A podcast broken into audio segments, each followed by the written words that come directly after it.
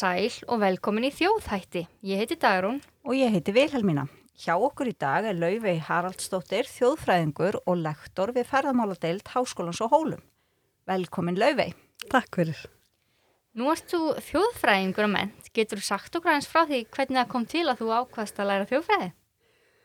Um, ég er svona, hvað ég segja, mjög þverfæli manneskja. Ég hef búin að fara, verið ímsu um dagana.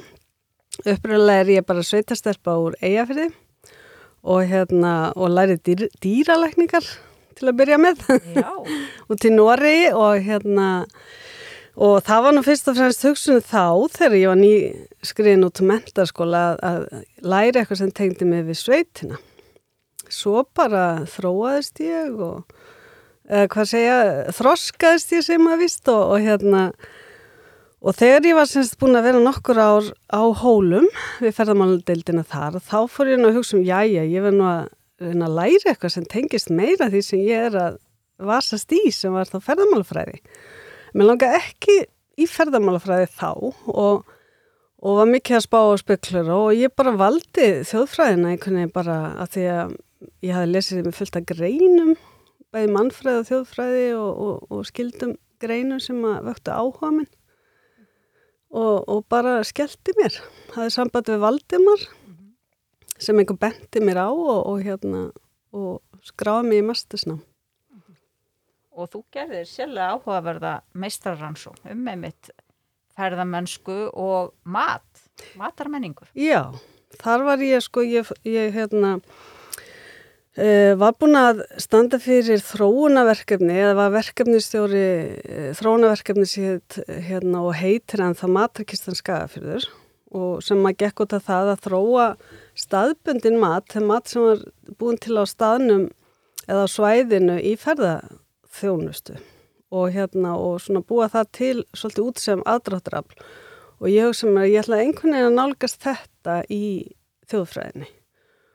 Og það endaði með því að ég hérna, ég byrjaði, byrjaði þannig ég ætlaði að tala við ferðarþjónustæðila sem að voru að gera út á svona lokal food eða staðbundi mat.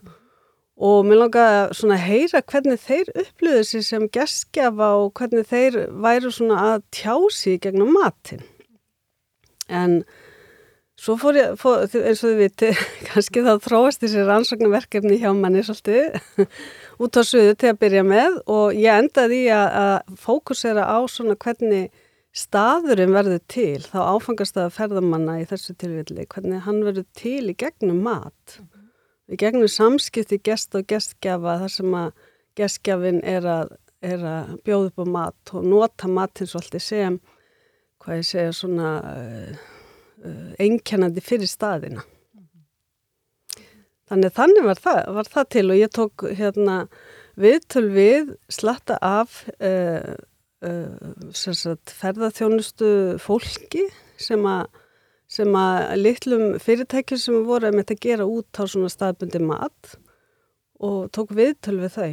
Tók hann einhver 16-17 viðtöl sem var upp í staðan í reytgerðin minni, eða rannsókninni. Ríkjarinn heitir hérna að setja, setja tilfinningu í pottana. Nei, Nei að setja sálinn í pottana. Sálinn í pottana. Þetta er tilvinnin í einn viðmælanda minn. Já. Sem að var reyndar, komi ljósa var útlæriður hérna, kokkur eða matrislu maður og hún sagði einmitt að meistarinn sinn hafi sagt þetta sko að maður er það að setja sálinn í pottana til þess að matrinni er góður. Já. Þetta er eitthvað sem mann finnst að vera alltaf að gerast bara meira og meira, eða ekki? Að hérna svona... Áhugin fyrir mat. Já, áhugin fyrir mat og svona staðbundnu og lokal, þú veist. Akkurat, tvímala löst. Ég mann þegar við fórum á stað með mattakistu skaga fyrir 2004 að þá var bara fólk ekki að tengja við þetta staðbundi matur eða lokal matur. Þau vissi ekki hvernig, hvað þetta var. Núna hljómar það bara fyrðulega því það vita allir hvað þetta er og en það er náttúrulega hérna einmitt til hérna greinar um það hvernig sko því staðbundna verður alltaf meira og meira áhugaverðara einhvern veginn hjá fólki og hvort sem það er matur eða hefðir eða, eða já, einhvers konar menning að þá er því staðbundna er svo, hvað ég segja, hefur svo mikið gildi og í ferðarþjónustunum þá er þetta náttúrulega notað sem svona söluvara reynd og beint og hefur verið meira og meira undan farin ár og ára týr reyndar. Og, já, og það er einmitt maturinn og ferðarþjónustan hérna í, í forgrunni. Og en svo ertu sagt, í ferðarmálafræðinni á hólum. Já, og kom Ég er búin að vera þar. áður en þú einmitt fórst í þjóðfræðina já, það kom til vegna þess að, að ég var sem stýralegnir og, og hafi verið að starfa á vestfjörðum í þrjú ár sem dýralegnir á ströndum. Og hérna og flutti svo í skagafyrðin og það var svona alltaf mikið meira dýralegnu þar heldur en fyrir vestan þannig að það var svona ekki alveg pláss fyrir mig. Og ég tók að mér verkefni upp á hólum bara svona verkefnistjóri fyrir einhver fullorðins, fullorðinsfræðslu eitthvað svona Evrópverkefni og það bara hinnlega vatt svona upp á sig að, fyrir varði væri fann að kenna þarna og fyrst svona sem dýralegni meira eða heilbriðis fulltrúi sem ég starfaði svolítið sem líka. Og svo bara smá saman uh, meira og meira inn í ferðamálafræðin en ég, þá fann ég einmitt að sko þó að þó maður sko kannski hérna læri í sjálfu sér mikið sjálfur að því að lesa sér til og, og setja sér inn í málina þá, þá fannst mér ég vanta þennan grunn sem voru sem sagt, félagsvísindi.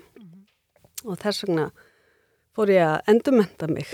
Og svona en, en í dag er þetta náttúrulega mjög aktuelt því að það er meira meira að tala um það að það þarf að líta á hlutina með þærfælum hætti til þess að skilja það og, og, og þannig þurfa náttúruvísindi, félagsvísindi og hugvísindi að tala meira saman.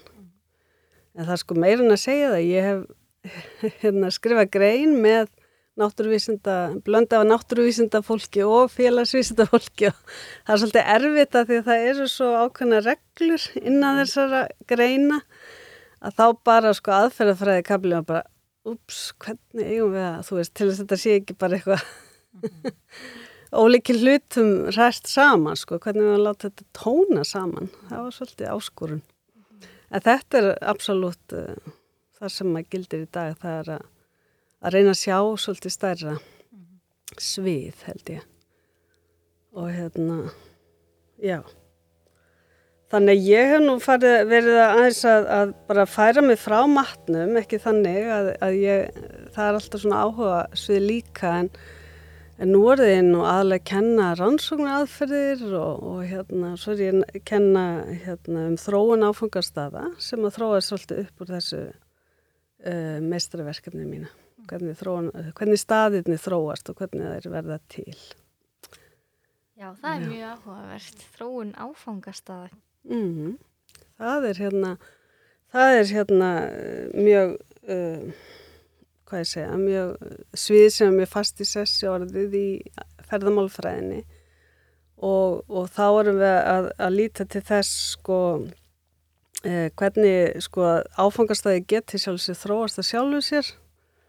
Og við getum líka reynd að stjórna því hvernig áfangastæðar við viljum.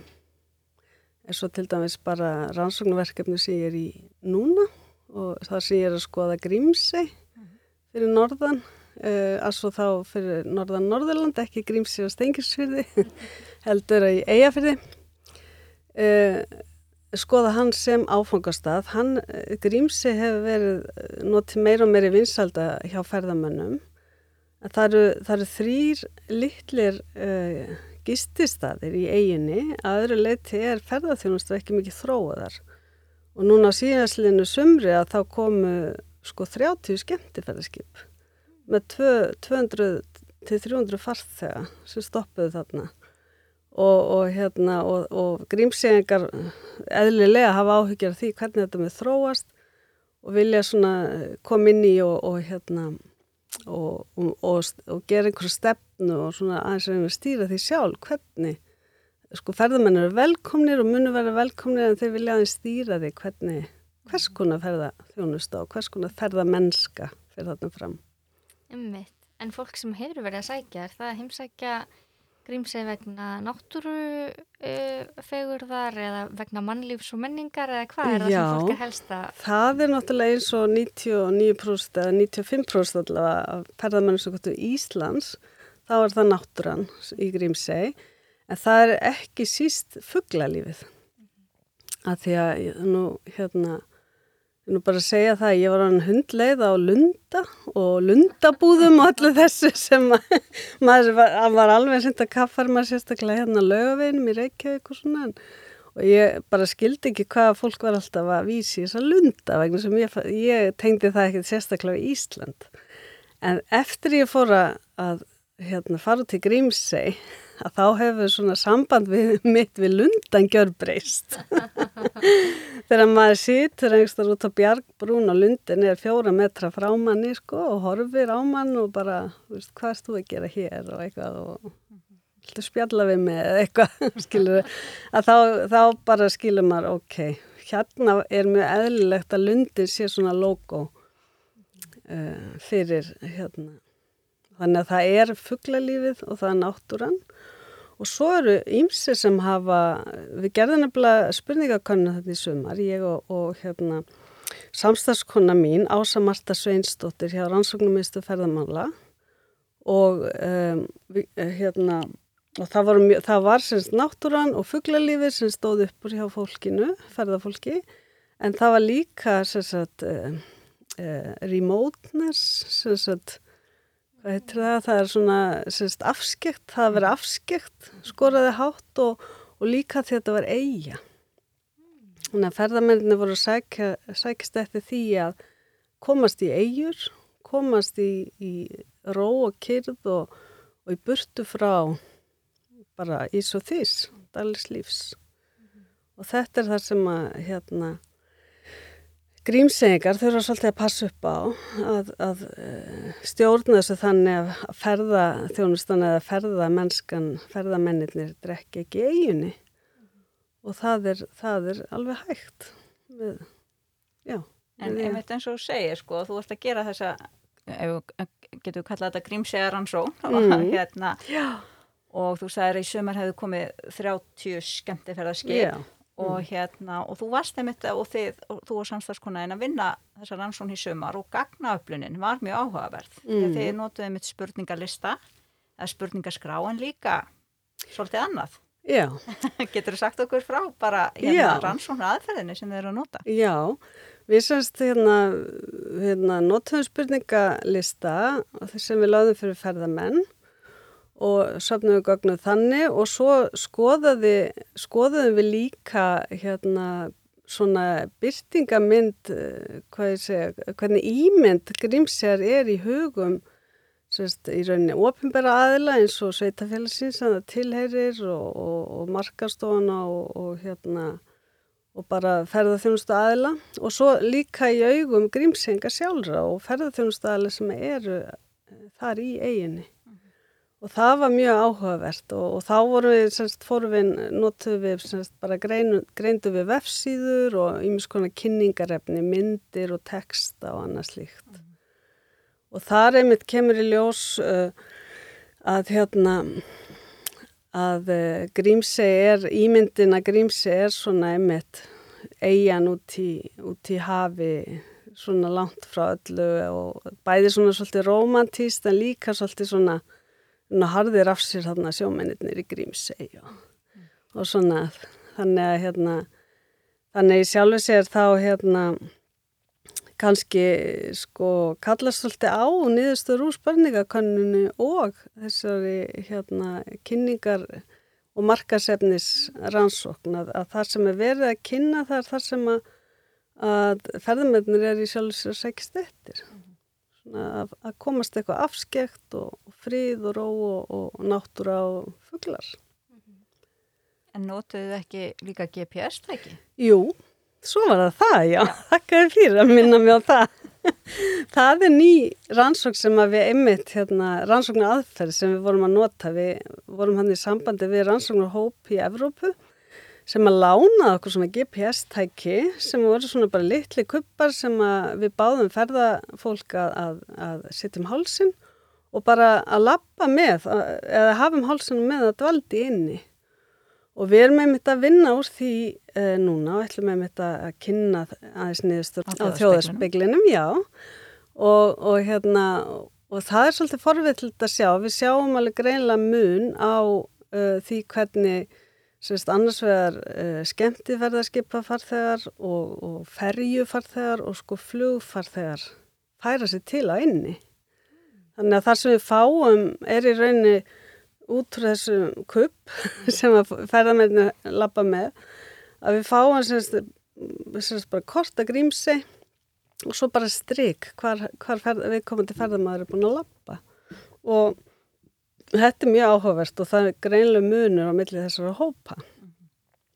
og hérna þar sem að skemmti ferða að skipa farþegarnir reyfa sér mjög lítið, fara bara alltaf á ákveðin stað og svo tilbaka hattur.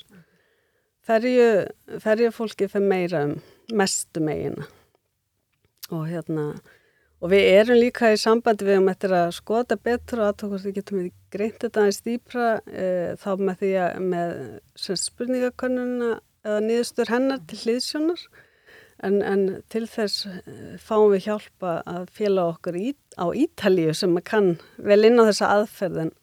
En mér finnst þetta ofbúslega spennandi að, að hérna, reyna svona að bæðið er gaman að prófa nýjar aðferðir og, og svona að sjá hvað maður getur fengið svona út úr svona. Og einmitt bætir við upplýsingum sko, einmitt hvernig fólki, veist, eitt er hvað það segist og af hverju það kemur og, og svo les og svo hvað það gerir á staðnum raunverulega. Já, og það voru, það voru allir mjög jákvæðir út í þetta og hérna, en, en sumi voru, þú veist, allar að sendur þetta eitthvað, hvað ætlar að gera við þetta? Þú veist, það er að vera að njóstum við hérna. Þannig að það er mikilvægt að útskýra hvað maður er að gera þegar maður er í svona. En hvernig er það með emitt ferðamenn sem kom í Grímsi? Er þetta mestum hluta erlendi ferðamenn eða er Íslendinga líka? Langmestum hluta erlendi ferðamenn en til dæmis í fyrra eða semst í COVID-sumarið COVID að þá komi mikið Íslendingar í Grímsei, bara eins og alla aðra áfangastæði á Íslandi, það var eins og Íslandika bara færi á stað þegar engir ellendi ferða menn voru og þeir komist ekki út úr, út úr landinu heldur. Að þá var mikið um Íslandika en að, að megninu til er ellendir ferðamenn já, sem koma.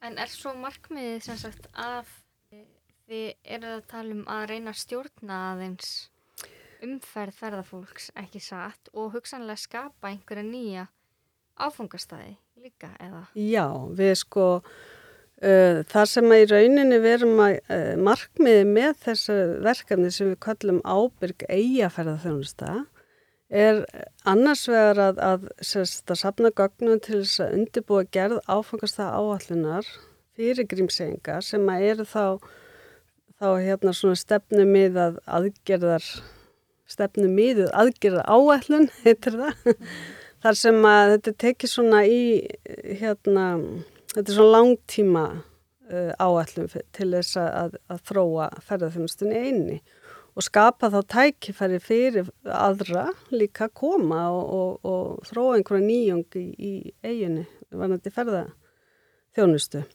En við erum líka að hugsa þetta, þetta fræðilega um grunni sem til að bæta við þekkingu á sviði eiga hérna, fræða, svona island studies sem að, hérna, e, við, við erum báðar við ásamarta svolítið inn í og, og, hérna, og þá sem svona e, eiga á norðurslóðum.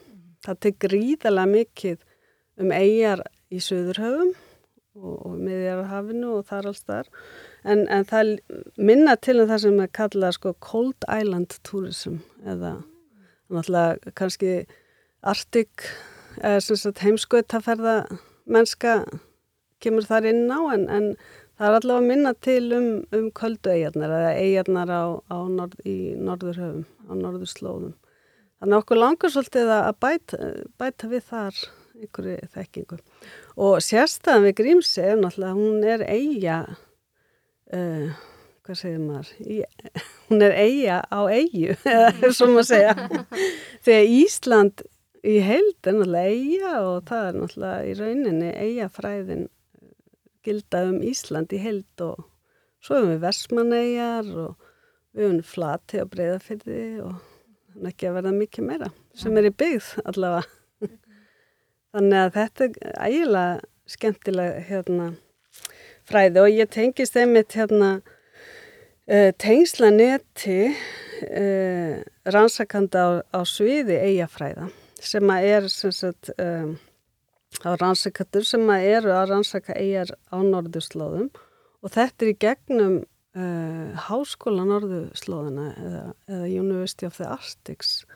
Og þar er sko, þar er Ísland, Færiðar, Noregur og Skotland og, og Grænland og svo líka Östurströnd Kanada, eigarnar þar eins og Prins Edward Island og, og fleiri.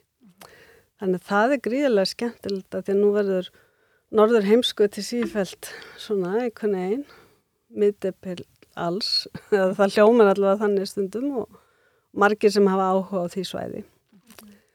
Og hérna og, og þannig að það er gríðilega svona áhugavert.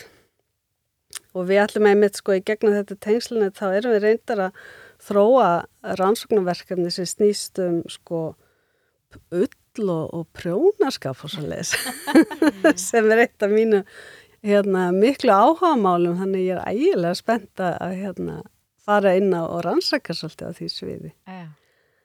og hérna það er einmitt eitt af verkefnunum mína núna er, er að ég tek þátt í hérna svona þróunasviði sem Nóra styrkir. Nóra er svona uh, norður allansás styrkjasjóður, samstagsjóður, þar sem er sko færi að Grænland, Ísland og Nóriður og stundum hefur Skotland líka verið með nema þeir eiginlega döttu út þegar hérna, Brexit, eftir Brexit.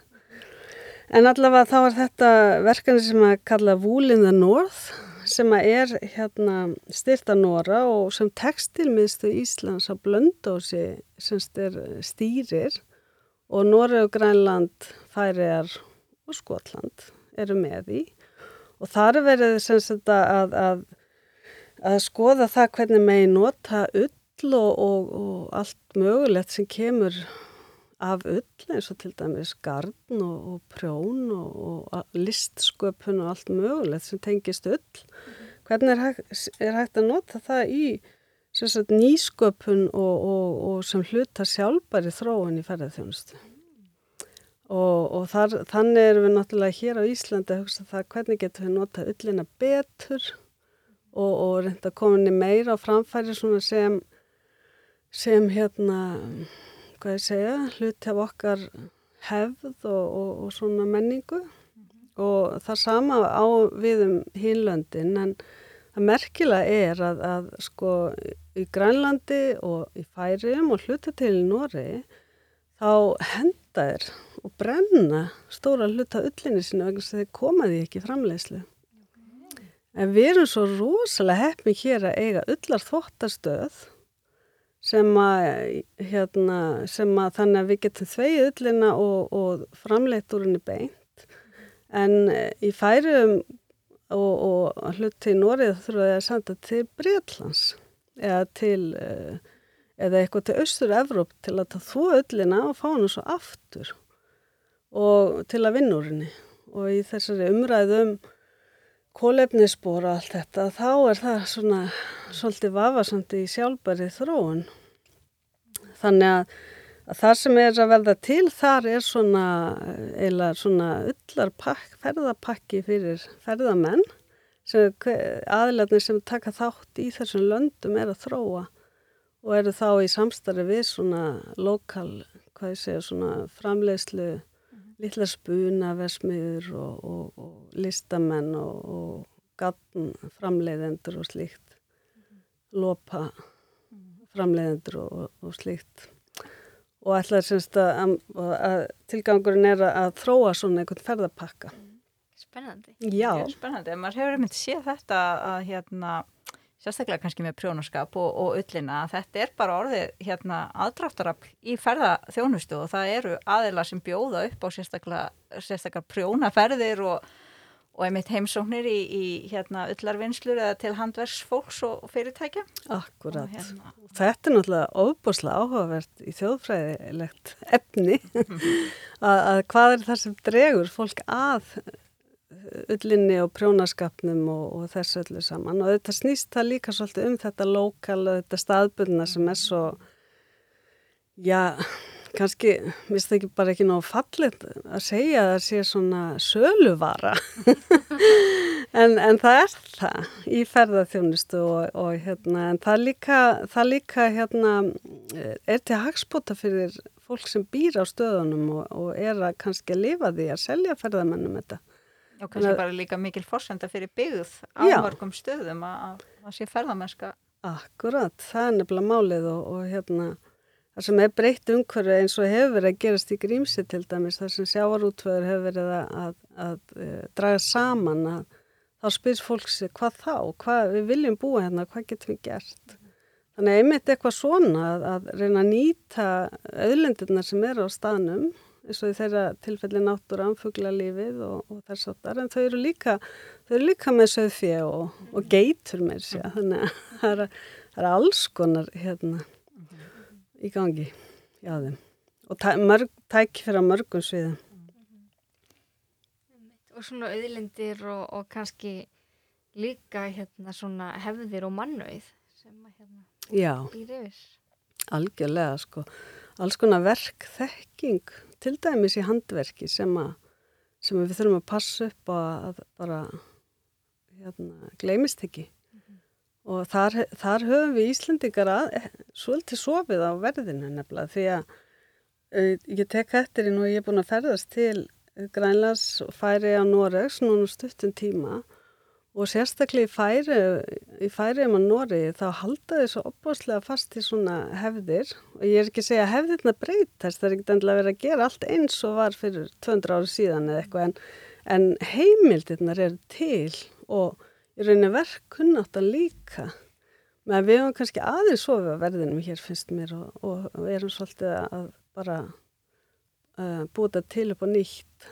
Ég er ekki að segja að allt hafi gleymst en, en við erum kannski aðeins verið svona svolítið nýjókagjörn og ekkert verið að endilega haldi það hefðirnar En þetta eru náttúrulega sérlega áhugaverða rannsóknir, hérna grímsega rannsóknir og svona þessi smá eiga fræði og hérna og auðvitað þetta með áfangastæðin og ferðamennskuna og, og kannski sérstaklega líka mitt nýja rannsóknin um ullina og, og hérna ullarferðamennsku. mm. Og þetta er alltaf að gera á hólum í háskólanum þar í ferðamáladeildinni. Getur sagt okkur aðeins frá náminu við ferðamáladeildina? Hvernig það er uppbyggt og, og bara hvurslags nám er í bóðið þar? Já, ég skal segja eitthvað frá því. Ég, uh, deildin byrjaði 1996, þannig að erum við þá ekki alveg að verða bara 30 eða eitthvað. Já, styttist í það.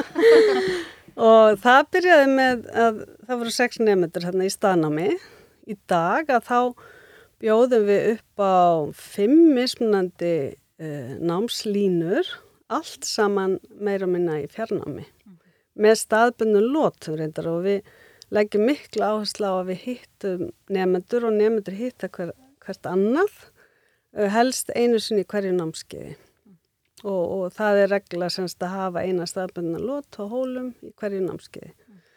Og hérna, og þetta er sem sagt diplomanám sem er sem sagt einsásnám í viðbyrjastjórnum sem er mjög vinsælt. Eh, Það er í diplomanám í ferðamálafræði og síðan getur það haldið áfram upp í bíagráði ferðamálafræði og við erum með mistragráði ferðamálafræði. Og svo erum við með uh, bíagráðu eða sem sagt bíanám í, í stjórnun ferðarþjónustu og móttöku gesta, svona hospitality meira.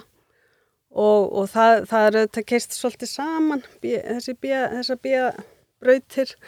Og svo erum við með meistranám í útvistafræði sem er, uh, við erum búin að prófa núna í nokkur ár í samvinnu við háskóla í Nóri og Svíþjóð. Og það er þannig að þetta er tveggjára uh, útvi- nám í svona fríluftslíf, svona útivist sem að þar sem að nefndi fara á milli þessara landa og er að læra og, og, og hérna, já, og kynast löndunum í leiðinni. Og í lang flestum þessu námslínum að þá, þá eru verklegt verknám í lang flestum tilfellum. Þannig að við erum svona svolítið, hvað ég segja, starfstengdur skóli, háskóli, eða okkar deild.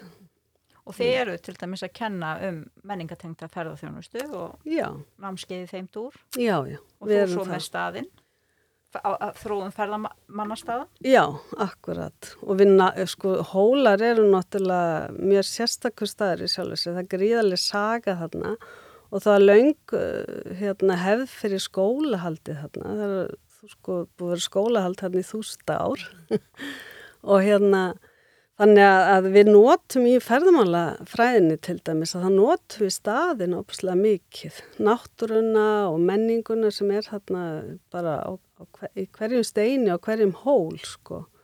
Og við erum náttúrulega með domkirkjuna, hóladómkirkju og já, bara alla þá sögu. Þannig að, þannig að við notum það mjög mikið.